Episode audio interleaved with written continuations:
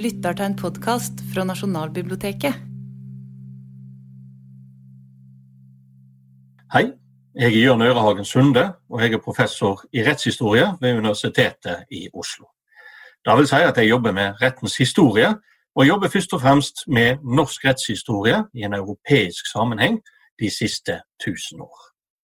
Og I dag så skal jeg ha et foredrag om en av de store hendelsene i norsk rettshistorie, de Kasperske barneloven av 1915.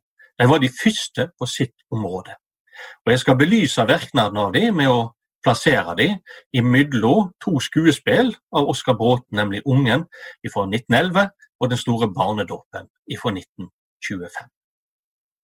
Jeg vokste opp i ei lita bygd på Vestlandet på 1970- og 80-tallet. Og Den gangen så var ungdomslagshus og ungdomslagsrørsla en viktig arena for underholdning. For ethvert ungdomslagshus med respekt for seg sjøl, de hadde òg ei teatergruppe. Og Mor mi er veldig stolt over å ha både spilt Hønse-Lovisa i skuespillet 'Ungen' av Oskar Bråten fra 1911, og senere Alfilde fra skuespillet 'Den store barnedåpen', og skrevet av Oskar Bråten fra 1925. Og De to stykkene og de to rollene er helt ulike.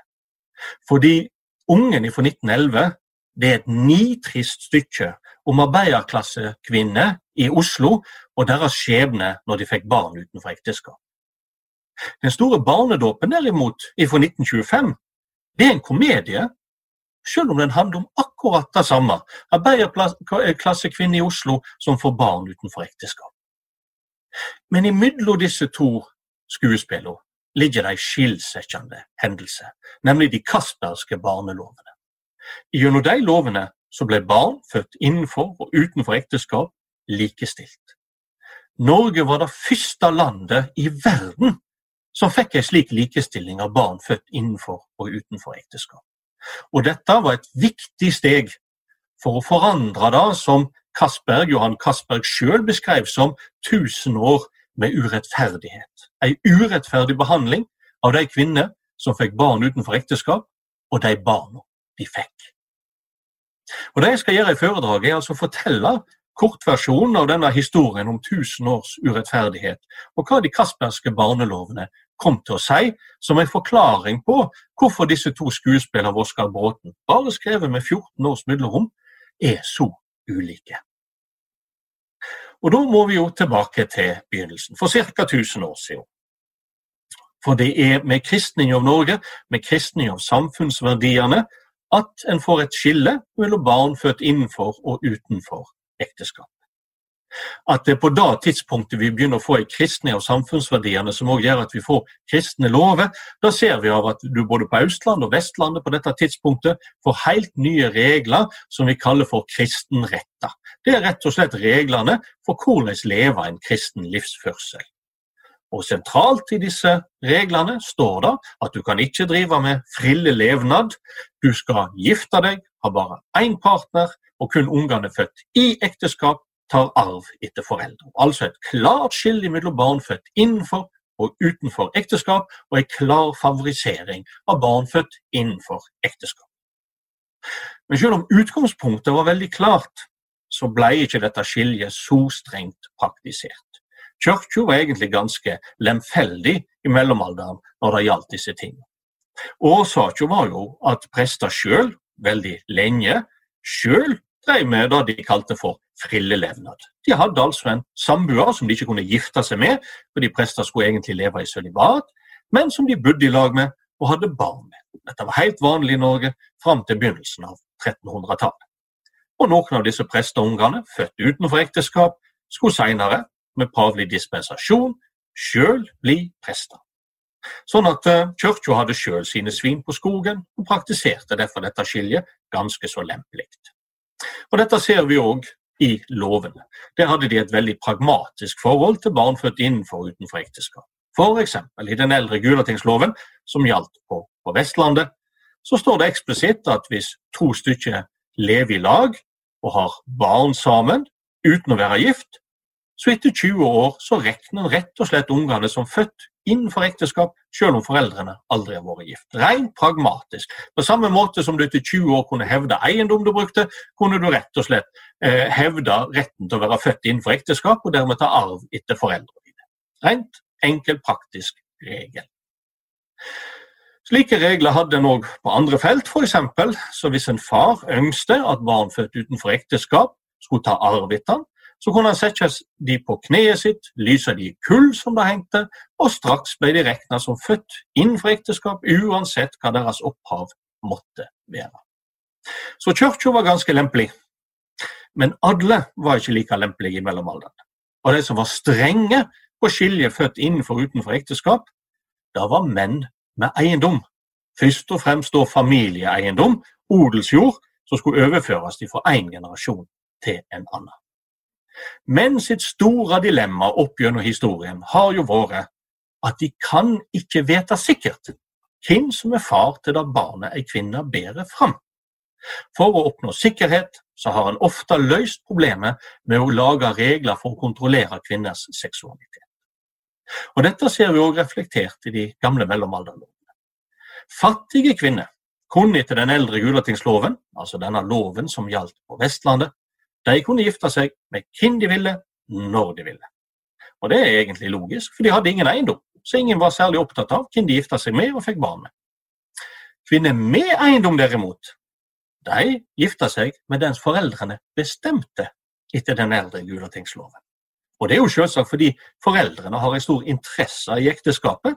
De ønsker å gifte vekk dattera si med noen som gir eiendom tilbake, slik at hele ekteskapet i verste fall blir et nullsumspill for foreldre til jenta. I beste fall så får de mer inn i ekteskapet enn de gir ut som medgift med dattera si. Kvinner hadde egentlig ikke engang samtykke rett etter den eldre Gulatingsloven. Den kommer først senere uten at vi sikkert kan vite når, men i alle fall på 1100-tallet. At kvinner skulle samtykke til ekteskap, både de som var fattige og de som var rike, det er en regel som ikke blir innført før på 1260-tallet og blir virksom virkelig fra 1270-tallet. Men da har du jo mista kontrollen med kvinner og ekteskapsinngåelse, og dermed med eiendomstransaksjonene, så da må du innføre en supplerende regel.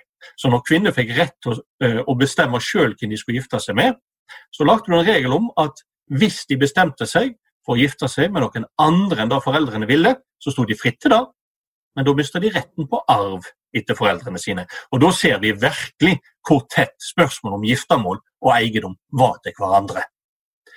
Men hva så med dette med seksuell omgang utenfor ekteskap? Hvorfor er det et problem? Jo, du må ha et totalforbud mot det, og bare tillate seksuell omgang i ekteskap. fordi da, og bare da, kan du være ganske sikker på at barnet som blir født, er rette arving til odelsjorda, fordi det er en arving etter de som har sete på gården i generasjoner før barnet blir født. Og Det er det òg det som gjør at ei kvinne som ikke er jomfru, fordi hun har fått barn utenfor ekteskap, før hun gifter seg, da kan du ikke helt være sikker på at hun først, at den arvingen som hun senere før ekteskap, virkelig er et resultat av et samleie med ektemann, og dermed at ungen er arving etter de generasjoner som har sittet på odelsgården tidligere. Slik er det at dette skillet som kirka innfører, men som den oppfører seg ganske lempelig i forhold til, det blir veldig strengt praktisert, men ikke av kirka, men av menn med eiendom i mellomalderen. Derfor er det om lag for 1000 år siden at dette skillet av barn født innenfor og utenfor ekteskap blir så fryktelig viktig og skal begynne å avgjøre kvinnenes sosiale posisjon. Da å få barn utenfor ekteskap, det reduserte altså ekteskapsverdien din senere, og det må ha gjort foreldrene rasende. Vi har et mellomalderdiplom fra 1400-tallet der et foreldrepar fordeler eiendommen sin mellom sønnene. Og Så sier de klart ifra om at dattera får ikke arv pga. at hun har hatt seksuell omgang utenfor ekteskap, og så står det lagt til noe foreldrene aldri kommer til å tilgjelde. Og det er ikke nødvendigvis synda og selve seksualiteten de er bekymra for, det er eiendomsspørsmålet som foreldrene er opptatt av. Men denne lempelige holdninga til kirka den skulle forandre seg. Og Den store forandringen i, i europeisk rettshistorie den kommer på siste halvdel av 1400-tallet. Desto nærmere du kommer 1500-tallet, desto mer blir Europa et fryktsamfunn. Det er mange ulike faktorer som gjør at folk blir fryktsomme. Fryktsomme folk blir opptatt av en tøffere strafferett og tøffere straffe, og ikke minst blir de opptatt av høyere moral og bekjempe synd. En av de store tragediene i Europa skal jo skje på 1500-tallet, da en etter oppdagelsen av Amerika tar med seg sykdommen syfilis hjem til Europa. Og Hvis en nå tenker på den frykt koronaviruset har skapt i Europa, så kan en ta og gange det med ti, og kanskje enda mer. Da får du den frykt som syfilis, som en forferdelig sykdom som bryter ned nervesystemet og fører til galskap og så den sikre død, da den, den frykt denne sykdommen førte til i Europa på 1500-tallet. I dette fryktsamfunnet så leter en jo selvsagt etter forklaring på den elendigheten som en er rammet av, og forklaringen den finner en i Guds straffedom. Og da er noe en kan lese seg til i Bibelen, f.eks. i historien om Sodoma og Gomorra. På grunn av all den synd og den lave moral som fantes i Sodoma og Gomorra, så straffer Gud alle innbyggerne i de to byene. Og det er viktig. Han straffer altså ikke synderne, han straffer alle innbyggerne. Årsaken er at Guds vrede rammer ikke bare synderen, men de som ikke påtaler og straffer synda. Og Da ble det en forklaring på elendigheten som Europa var rammet av. Det var for mye synd som ikke ble påtalt og straffa. Og Det gjør at du i løpet av 1500-tallet får en stadig større og mer omfangsrik og strafferett i Europa med tøffere straffe. Det gjelder å ramme synderne hardt, slik at Guds vrede blir mildna. Og den verste forbrytelsen det er jo det de kalte for den hemmelige forbrytelse. Det er den forbrytelse som er vanskelig å oppdage, nettopp fordi den setter jo samfunnet ut for et større fare for Guds vrede enn den åpenlyse forbrytelse. Det er dette som skaper et paradoks som i dag kan være vanskelig å forstå, nemlig da å rane noen med hjelp av vold og trugsmål. Da ble straffa mye mildere enn tyveri som, er, som skjer i ly av f.eks. nattemørke osv., og, så og som er veldig vanskelig å oppdage. Det er forskjellen på den åpenlyse forbrytelse og den hemmelige forbrytelse, der den åpenlyse blir straffa mindre enn den hemmelige. Og en hemmelig forbrytelse, en typisk hemmelig forbrytelse, er jo seksualforbrytelsen. Da å få barn utenfor ekteskap er en slik hemmelig forbrytelse som det er vanskelig å oppdage, det er vanskelig å stille folk til ansvar, og dermed ramme Guds vrede desto hardere. Dette er bl.a. bakgrunnen for oppbygginga av politi. Den, da vi kan kalle den første på en måte politistyrke i København, det er eldre kvinner som blir ansatt av kongen for å gå rundt i Københavns gater på begynnelsen av 1600-tallet for å se om de ser unge kvinner som ser ut til å ha blitt gravide, spesielt og unge tjenestejenter som ikke er gift. I så fall så hadde de rett til å ta dem inn, ikke til avhør, men for å melke brystene deres for å se om de virkelig var gravide.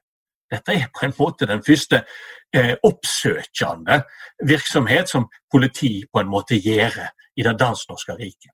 I Norge hadde vi ikke ansett slike kvinner. Her var det prestekonene sin oppgave å spotte de unge kvinnene som kunne ha blitt gravide utenfor ekteskap, for å ta de inn og melke brystene deres. Så langt gikk altså dette. Og at det her nå var forbrytelsen en var opptatt av, synda og ikke eiendomsspørsmålet, da ser en av at det faktisk er menn som har seksuell omgang utenfor ekteskap, som først blir ilagt de nye straffesanksjonene, de nye høye bøtene, mens kvinner først kommer et par tiår etterpå. Nå handler det altså ikke om eiendom, slik det i stor grad gjorde i mellomalderen, nå handler det om synd. Og bøtene de ble store. En mann som fikk barn utenfor ekteskap, han skulle betale tolv riksdaler i bot, ei kvinne seks. Ei ku på det tidspunktet og en OK gard hadde ikke så mange kyr, et par stykker i alle fall. Den kostet om lag fire riksdaler. Så for en mann så måtte han altså betale samme summen i bot som tre kyr, omtrent. Viktigere for å måle verdi er hva disse hadde i årslønn. Fordi disse bøtene rammer jo først og fremst de fattigste.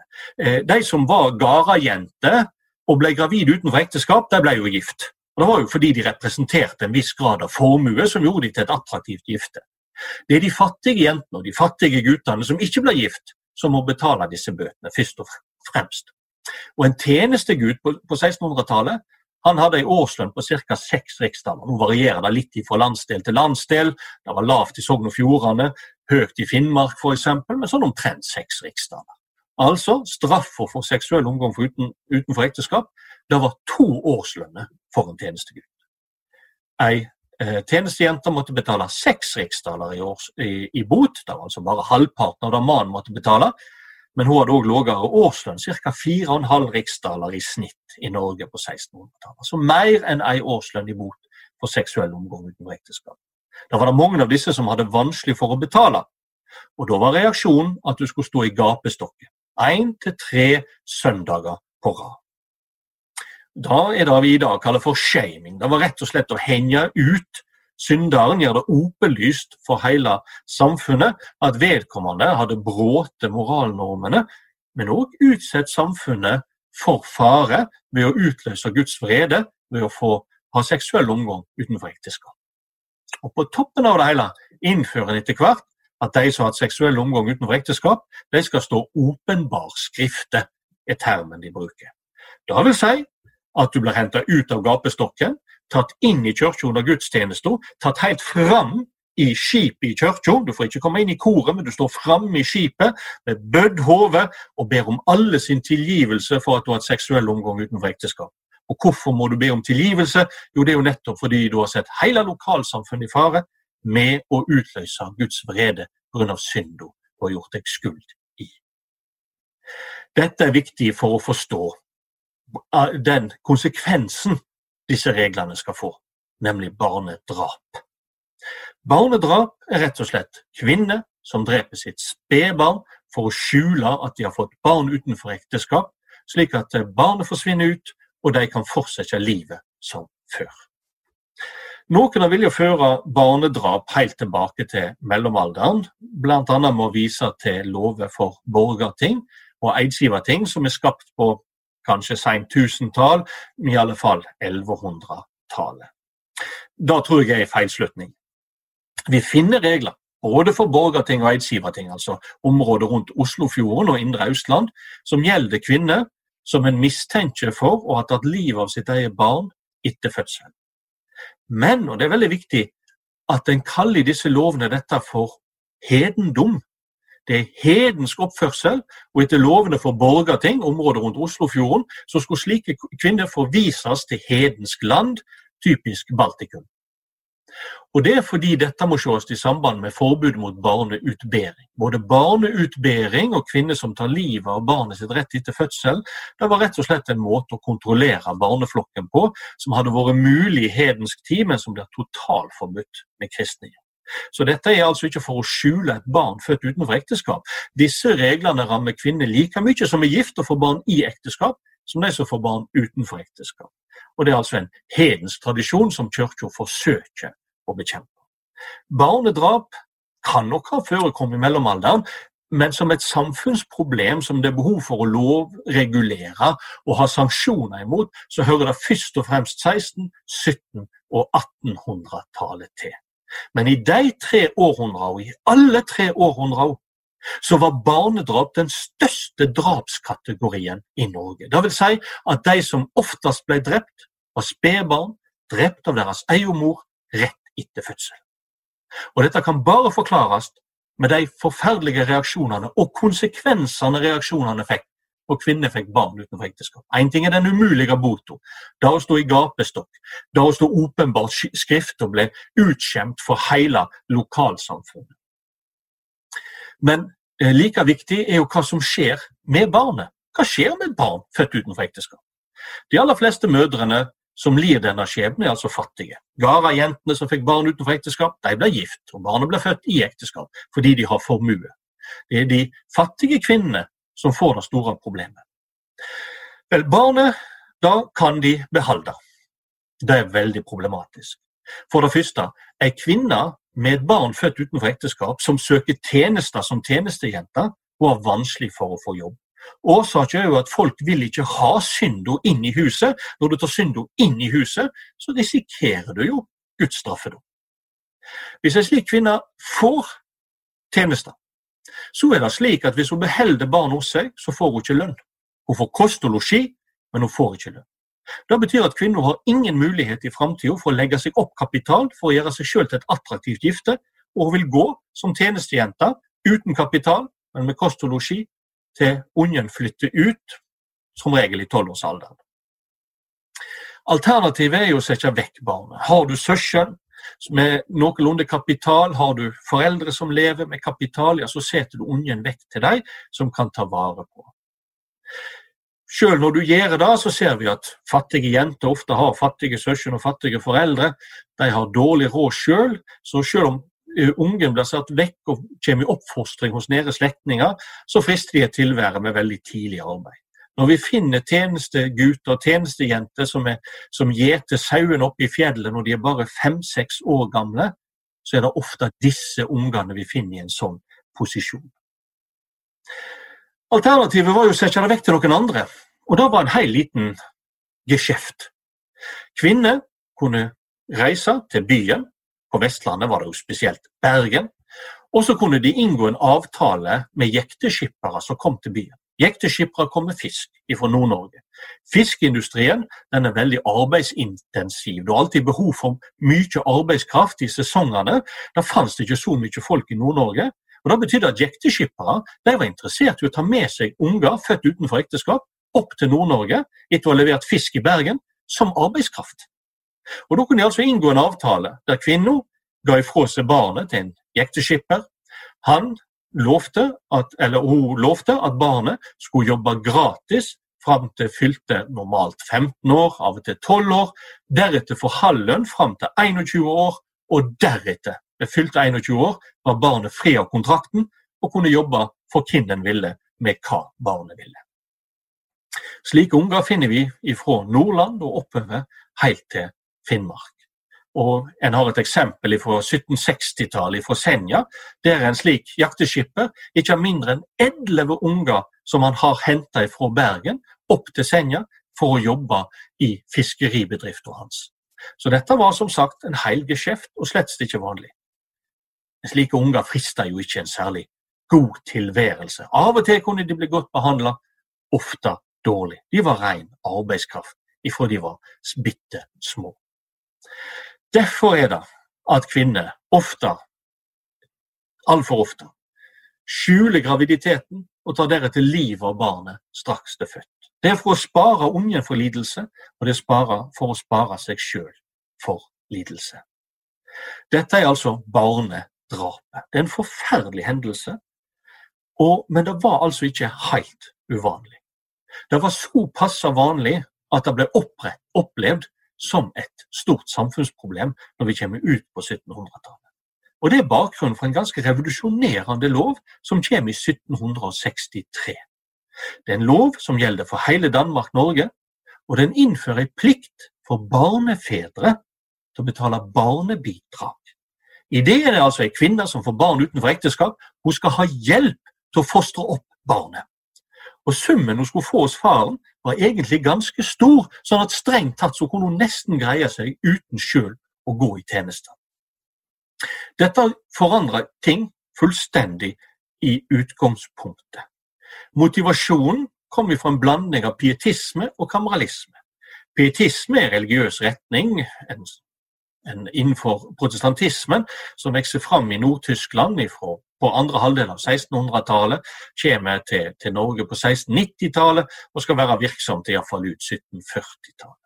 Pietistene var voldsomt vikt, eh, opptatt av individuell frelse, og som en del av det få folk ut av en kriminell løpebane og inn i samfunnsnyttig virksomhet.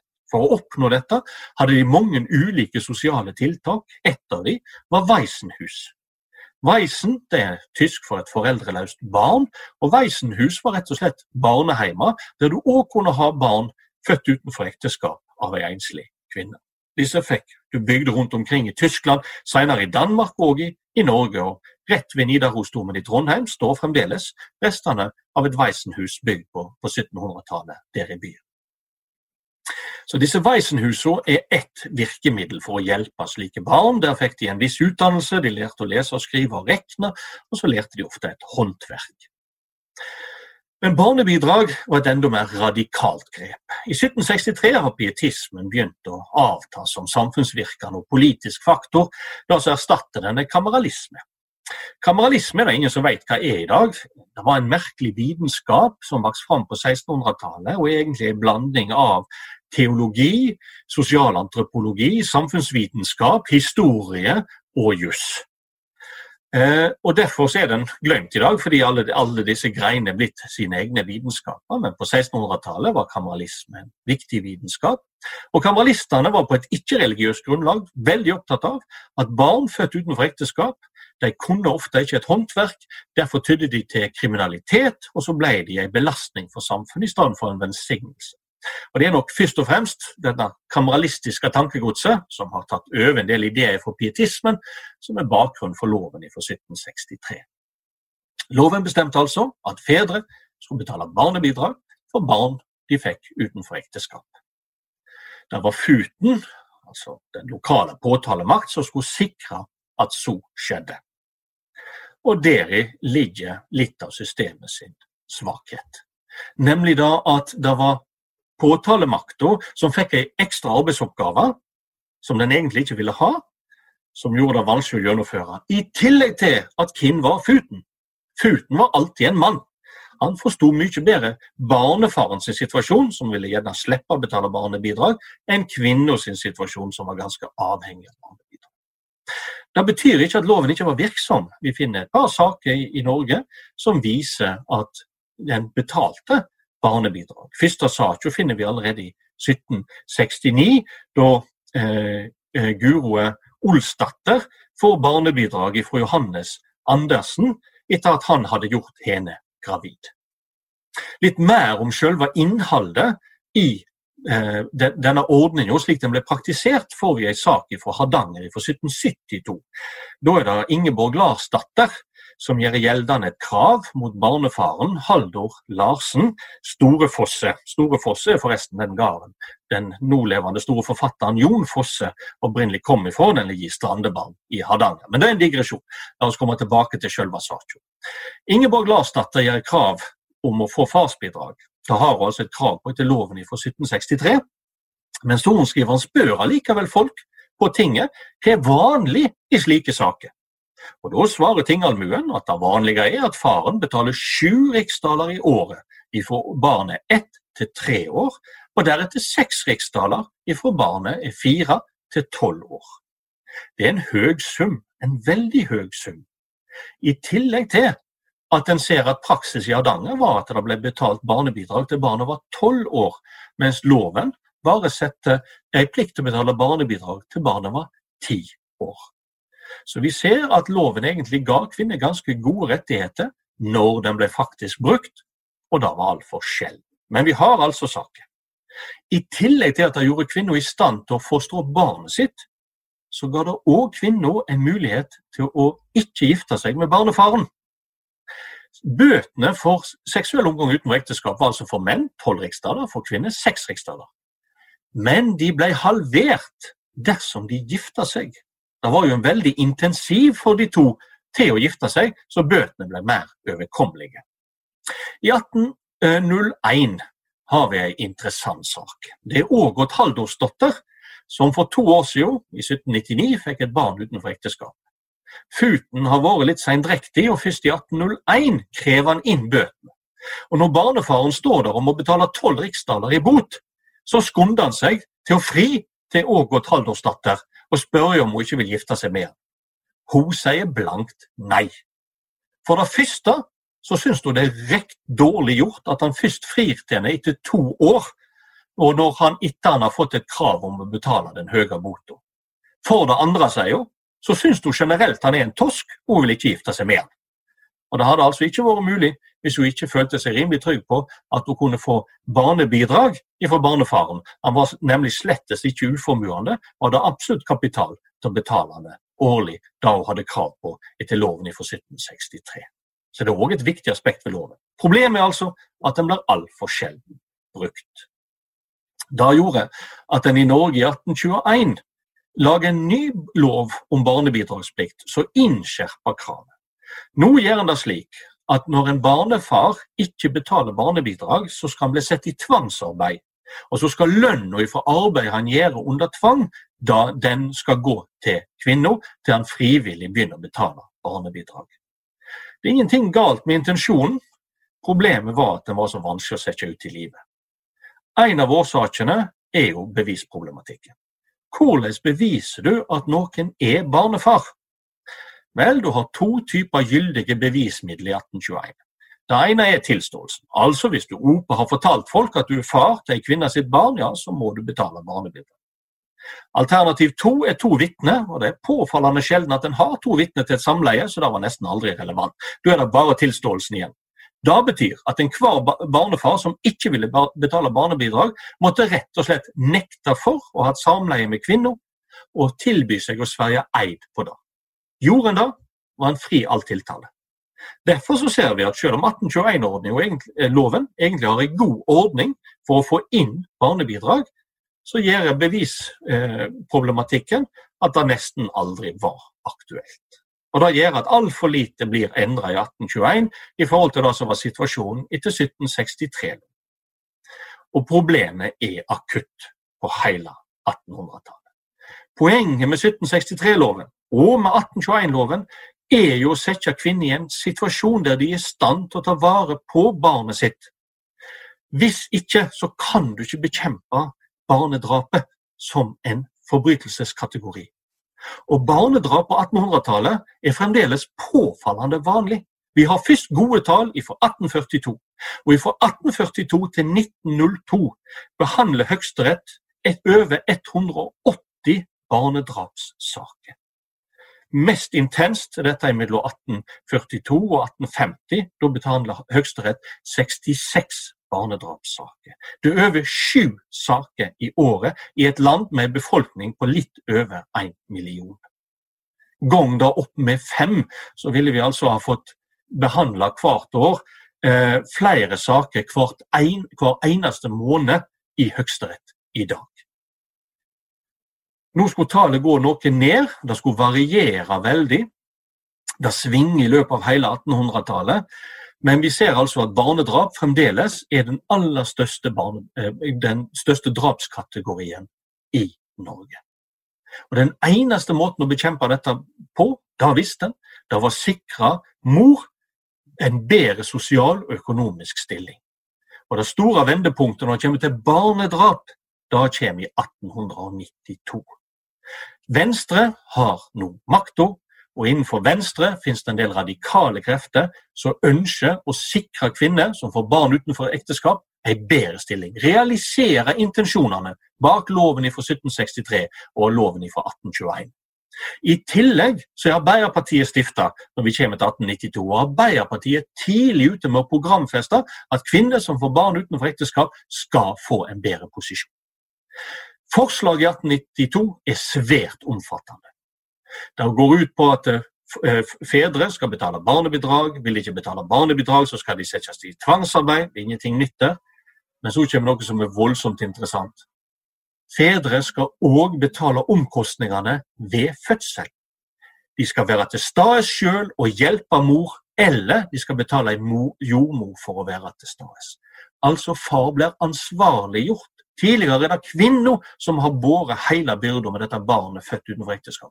Nå blir far virkelig ansvarliggjort, og på et moralsk og sosialt plan, ikke bare på et økonomisk plan.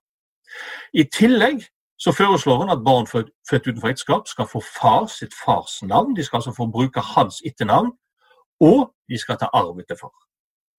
De to siste forslagene forsvinner ut ganske tidlig i stortingsdebatten. Det er helt uaktuelt for de fleste stortingsrepresentanter, unntatt de helt radikale, å gi barn født utenfor ekteskap rett til å behandle, få far sitt etternavn og ta arv etter far.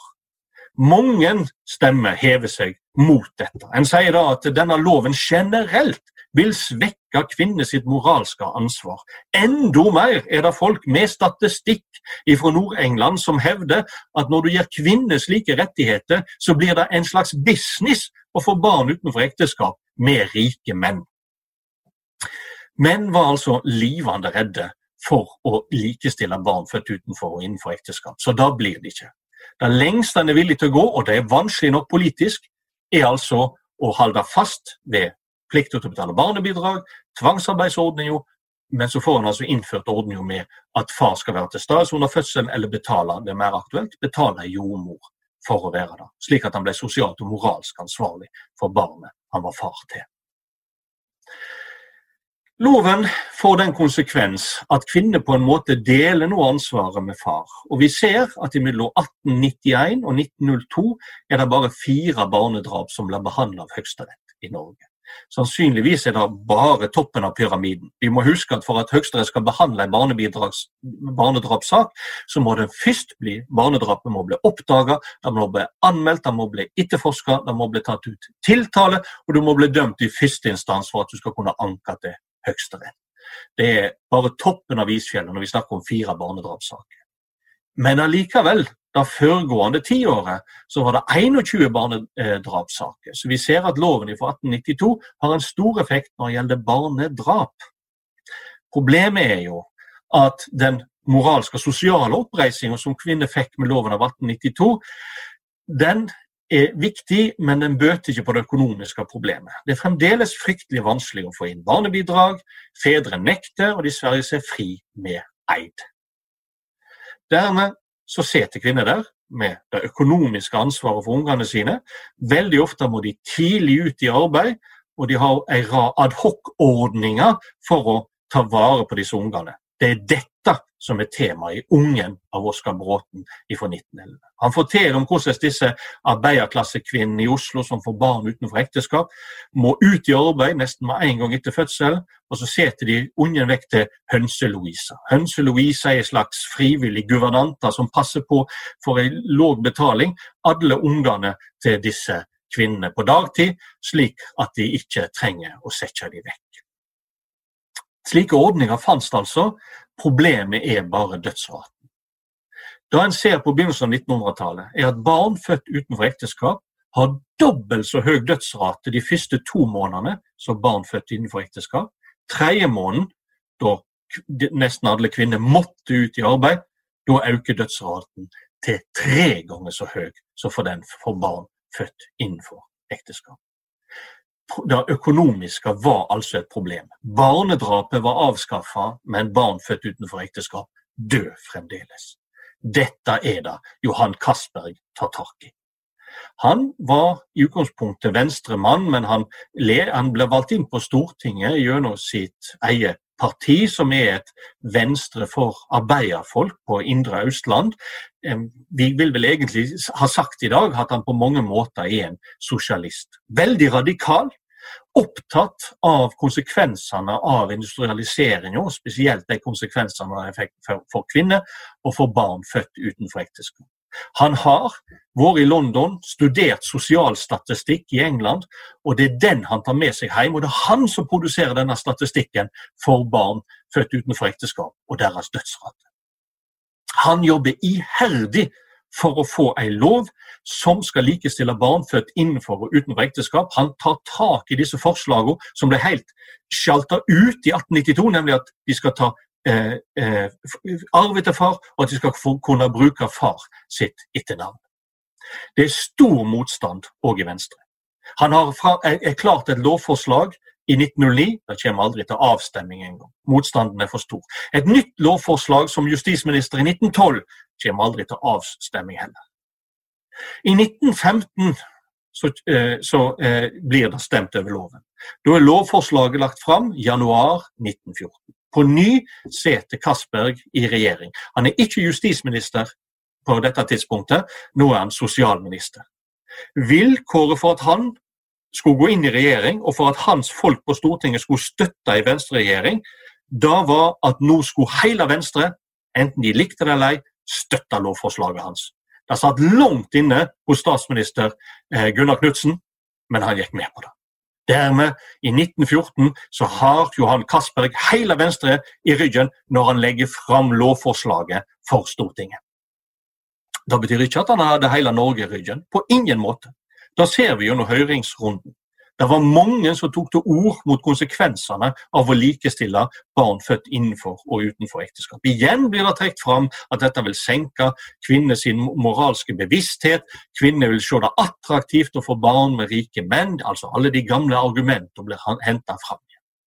Det er 26 bystyr i Norge som uttaler seg om loven. 16 er imot. 10 er for på visse vilkår. Ingen er bare for. Det blir mobilisert i ulike anledninger. Det blir lagt en underskriftskampanje mot å likestille barn innenfor og utenfor ekteskap, som får 20 000 underskrifter. Flertallet er av kvinner. Og så blir det mobilisert motsatt. Det blir mobilisert for at barn født utenfor ekteskap skal likestilles med barn født innenfor ekteskap. Om lag 20 000 skriver under på den kampanjen òg. Igjen, flertallet er kvinner. Det var en voldsom mobilisering, det var demonstrasjonstog, det var avisartikler. Og så ble loven stemt over i april 1915, og barn født innenfor utenfor ekteskap blir endelig likestilt. De får rett til å ta arv etter far, de får rett til å ta far sitt etternavn. En innfører òg en ordning med at kvinner skal slippe å gå til sak for å få, få farsbidrag. Fra 1915 av så betaler staten automatisk farsbidrag til alle kvinner som har fått barn utenfor ekteskap. Og så har de heller et regresskrav mot far. Det vil si at det er staten som går til sak mot far. Og far kan ikke lenger sverge seg fri med eid. Den muligheten forsvinner. I tillegg så forsvinner òg en unnskyldning som mange fedre har brukt. Noen har tenkt på skuldrene og sier ja, det stemmer nok at jeg har hatt samleie med henne i den aktuelle måneden, men da hadde òg han og han og han. Og når du ikke kunne peke på hvem som var faren, så ble det ikke noe farsbidrag. Etter loven av 1915 så ble det slik at alle som hadde hatt samleie med ei kvinne en aktuell måned, de fikk deler på farsbidraget. Var de fem stykker, så ble det en femdel på hver. Og hvis det var en av de fem som ikke kunne betale, så måtte de fire andre betale hans andel òg. Veldig effektivt for å få inn farsbidrag. Det betyr ikke at alt forandrer seg. Som sagt, Ungen beskriver denne nitriste virkeligheten til kvinner som fikk barn utenfor ekteskap før de Castbergske barneloven av 1915. Den store barnedåpen fra 1925 av Oskar Bråten er jo en komedie og beskriver en helt annen situasjon for disse kvinnene. Men det gikk ikke fra tragedie til komedie så fort. Det var fremdeles en god del offentlige tjenestemenn som ikke likte den nye ordningen. Et eksempel på dette har vi i praksis til lensmannen på, i Fana på Nesttun utenfor Bergen. Han gjorde det slik at hvis ei kvinne gjorde gjeldende eh, eller eh, et, et, barnebidragskrav, så hengte han opp en lappe offentlig der han ba barnefaren eh, melde seg. En sånn, på en sånn lappe, som altså hang offentlig, kunne det stå Marte Olsdatter påstår at hun på Jonsokaften klokka åtte hadde samleie med Martin Johnsen.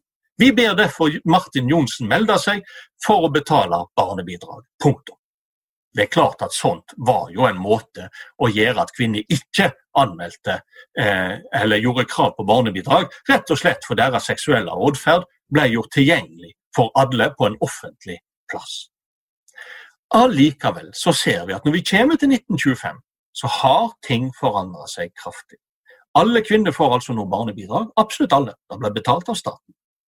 Men det er òg veldig mange barn født utenfor ekteskap som får rett til å ta far sitt etternavn, og som tar arven til far. Det er mange færre, da er det. Men det er en stadig økende andel. Dette skal gjøre at kvinner som fikk barn utenfor ekteskap, sin status forbedrer seg. Det var lettere for dem å bli gift selv om de hadde barn utenfor ekteskap, og slike barn sin økonomiske situasjon og sosiale status skulle gradvis endre seg. Men vi må huske det er snakk om en veldig gradvis endring, selv om loven gjør en rask endring. Når vi kommer ut på 1960-tallet, er det fremdeles slik at kvinner som får barn utenfor ekteskap, gjerne tidlig i svangerskapet reiser til fjerne slektninger før barnet der, reiser tilbake igjen til der de kommer ifra, mens barnet blir igjen og gjerne adoptert vekk. Dette var vanlig eller ikke vanlig, men det skjedde fremdeles på 1960-tallet. Den store endringen kommer etter 1968, når vi kommer ut på 1970-tallet. På midten av 1970-tallet er for første gang antallet barn født utenfor ekteskap over 10% uten noensinne å gå ned. I 1985 er antallet barn født utenfor ekteskap 20 Og Når vi kommer til 1995, så er antallet barn født utenfor ekteskap i Norge 50 og det har aldri vært under 50 siden. I dag så er det ikke noe sosialt stigmatiserende å være født utenfor ekteskap. Det er faktisk det normale. De fleste er jo da født i samboerskap, men det betyr ingenting. Da å være en løsunge eller et uekte barn, slik en var tidligere, det er det ingen som snakker om lenger. Men det er altså en utvikling som er bare en 40-50 år gammel. Så selv om det er over 100 år siden de kasperske barnelovene forandra den juridiske stillinga til barn født utenfor ekteskap og mødrene deres, så den sosiale endringa skulle langsomt komme senere. Så den store barnedåpen er nok litt vel lystig i forhold til de sosiale realitetene, mens ungen fra 1911 nok er en ganske god sosialrealistisk skildring av hvordan tilhøvet var for kvinner som fikk barn utenfor ekteskap i Oslo før 1915. Men loven av 1915 skal, skjønner ikke føre til den store lykken i den store barnedåpen med en gang, på sikt har den følge. Og det var en viktig lov. Det var den første av sitt slag i verden. Den var helt radikal. Og den ble spredd til andre land via norskamerikanere. Fordi i USA satt det norskamerikanere i ulike delstater i Midtvesten og leste norske aviser. Og de så lærte om loven. Og i området rundt i og rundt Chicago er faktisk den andre plassen i verden at barn født utenfor ekteskap blir likestilt med barn født utenfor ekteskap, mye på initiativ av norske immigranter. Senere skal den spre seg til resten av Midtvesten, og pga. et lite paradoks fra Midtvesten av USA til hele USA, og samtidig til Kina. Som er faktisk ganske tidlig ute når det gjelder å eh, likestille barn født innenfor og utenfor ekteskap. Og Derifra så skal den spre seg til hele verden. Men det går seint. Barn født innenfor og utenfor ekteskap blir ikke likestilt i resten av Norden før etter andre verdenskrig. Og det er etter andre verdenskrig, når vi kommer ut på 70-tallet, 80-tallet og 90-tallet, at denne likestillinga kommer til Tyskland, Austerrike og i Frankrike. Og i Frankrike er den ikke helt gjennomført fremdeles. Så i 1915 fikk en altså en ekstremt radikal lov, men som òg skulle vise vei for resten av verden. Men den virkelige storheten ligger ikke i det. Storheten ligger i det som Kasper sjøl sa. Den gjorde slutt på tusen års urettferdighet. Takk for meg.